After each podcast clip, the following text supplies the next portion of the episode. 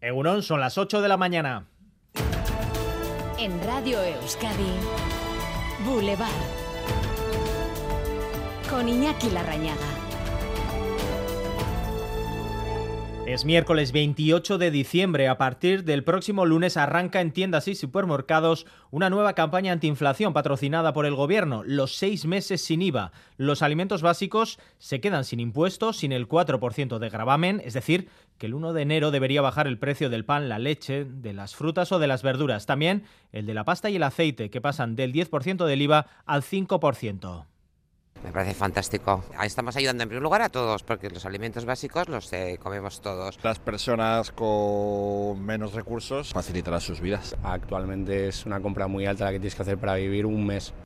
Opinión favorable en la calle, aunque ya les adelantamos que no van a notar un cambio enorme, Sonia Hernando Egunon. Egunon, no. Si los precios no siguen subiendo y las cadenas de alimentación no hacen trampa, una familia de cuatro personas podría ahorrarse en una compra tipo unos 5 euros a la semana, 20 euros al mes. Ponemos un par de ejemplos. Un litro de leche, por el que pagamos ahora 1,20, pasaría a costar 5 céntimos menos. En el caso de la docena de huevos, nos ahorraremos 10 céntimos. Un ahorro que contrasta con otro dato. La leche y el aceite han subido en este 2022 un 30%.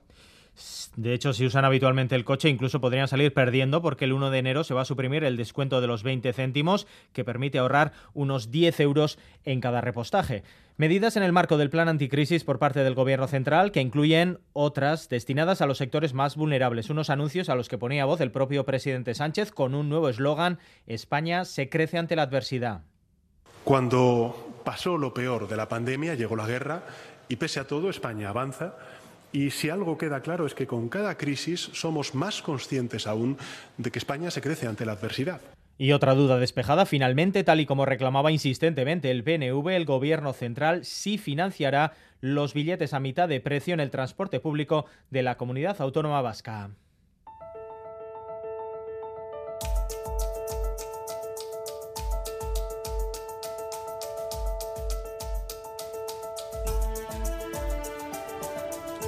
La otra noticia del día es el desbloqueo sorpresa del Poder Judicial en España. El Constitucional va a volver a ser de tendencia progresista tras el pacto alcanzado en el CGPJ para su renovación.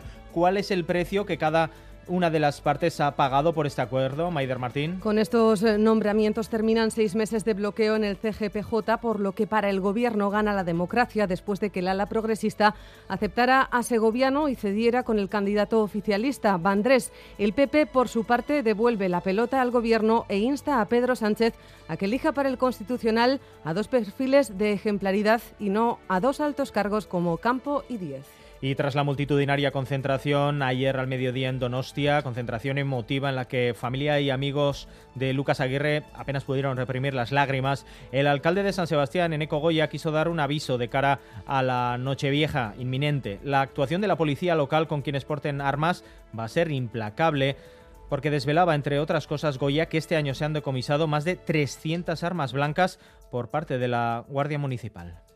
Que actúen con responsabilidad. O sea, hay una persona muerta y hay otra persona que va a pagar eso que ha sucedido con muchos años de cárcel.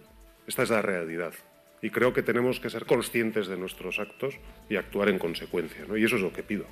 Y faltan exactamente cinco meses para las elecciones municipales y forales del mes de mayo, con varias incógnitas abiertas. Una de ellas, la referida a la rivalidad PNV-H Bildu en Guipúzcoa. El sociómetro publicado ayer por parte de la Diputación constata que aunque los yelzales continúan en cabeza, Euskal Herria Bildu ha recortado posiciones. Esta mañana, este, el de las elecciones municipales y forales a la vuelta de la esquina, va a ser tema de análisis aquí en Boulevard en los diálogos análisis de encuestas, de datos con Endica Núñez para conocer en qué ciudades y territorios puede haber cambios y a las 9 de la mañana entrevista con los alcaldes de los segundos municipios más poblados de Vizcaya y Guipúzcoa, es decir, Baracaldo e Irún, donde funcionan, ya lo verán, fórmulas de pacto muy diversas.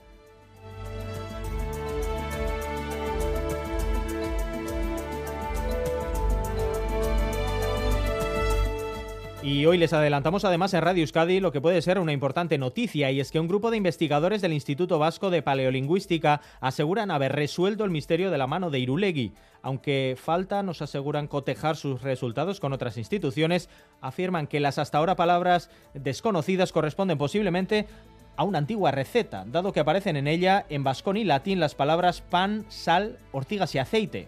Paulo Irribarría, doctor en paleolingüística.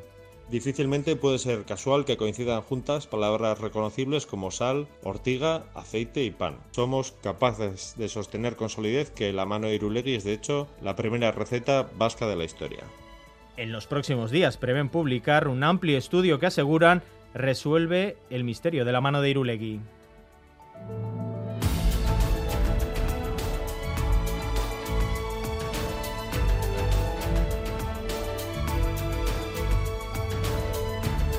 También les contamos que los jóvenes destinan en Euskadi más de la mitad del sueldo a pagar su vivienda. Según un informe del Observatorio de la Juventud, tendrían que cobrar un 70% más para acceder con solvencia a una vivienda. Sierra Herrero. De media, los jóvenes que viven en alquiler en una vivienda libre pagan en Euskadi una renta de 711 euros al mes, que equivale al 51% de todos sus ingresos. Si la casa es en propiedad, la hipoteca se lleva el 53% del salario. Se supera por mucho el límite recomendado por los bancos del 30% del salario.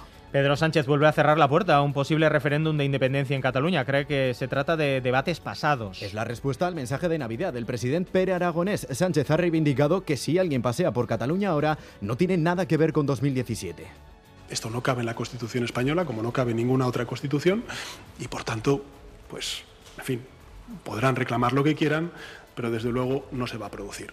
Y tras dos años de ausencia por la pandemia, Ordizia celebra hoy la Feria Extraordinaria de Navidad. Además de la tradicional feria de la Plaza Mayor, la localidad guipuzcoana contará con puestos de productos artesanos como foie, miel, queso, pan y dulces. Las Juntas Generales aprobarán hoy los presupuestos de Vizcaya para el año 2023. Se va a incrementar en más de un 10%. El Ayuntamiento de Bilbao hará lo propio en un pleno extraordinario. Se incrementará el presupuesto un 5%, convirtiéndose en el más elevado de la historia del consistorio bilbaíno. Y el Athletic da el último adiós a Chechu Rojo en la Basílica de Begoña.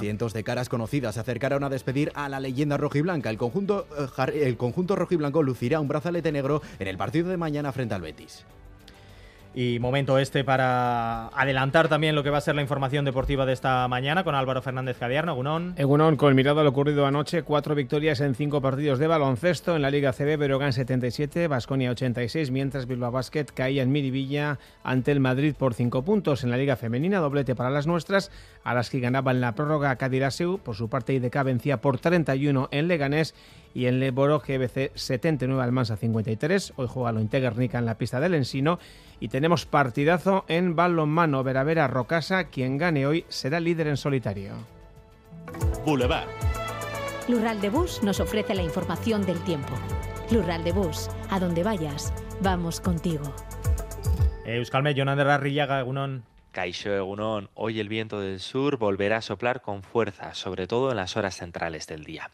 Pero por lo demás el tiempo va a ser tranquilo, la mañana va a ser bastante soleada, a excepción del Valle del Ebro y alrededores, donde se va a formar niebla que puede ser persistente. Ya de cara a la tarde las nubes van a ir a más y por la noche podrían escaparse algunas gotas, sobre todo en puntos de Álava y Navarra, pero en general hoy va a predominar el tiempo seco. En cuanto a las temperaturas, subirán en la vertiente cantábrica gracias al viento sur y se van a acercar por allí a los 20 grados, pero en gran parte de Álava y Navarra se van a mantener por debajo de los 15 y serán más bajas sobre todo donde persista la niebla. Además, con el viento por allí hoy se notará más frío. Así que, en resumidas cuentas, hoy tendremos un tiempo principalmente seco, pero algo ventoso. 13 grados en Bilbao y en Donostia, 9 en Bayona, 8 en Vitoria-Gasteiz, la mínima la marca Iruña con solo 4 grados. Egunon, Agurain 8 grados despejado. Agur. Egunon, Oñati 13 grados. Agur. Egunon, Gerniken 6 gradu.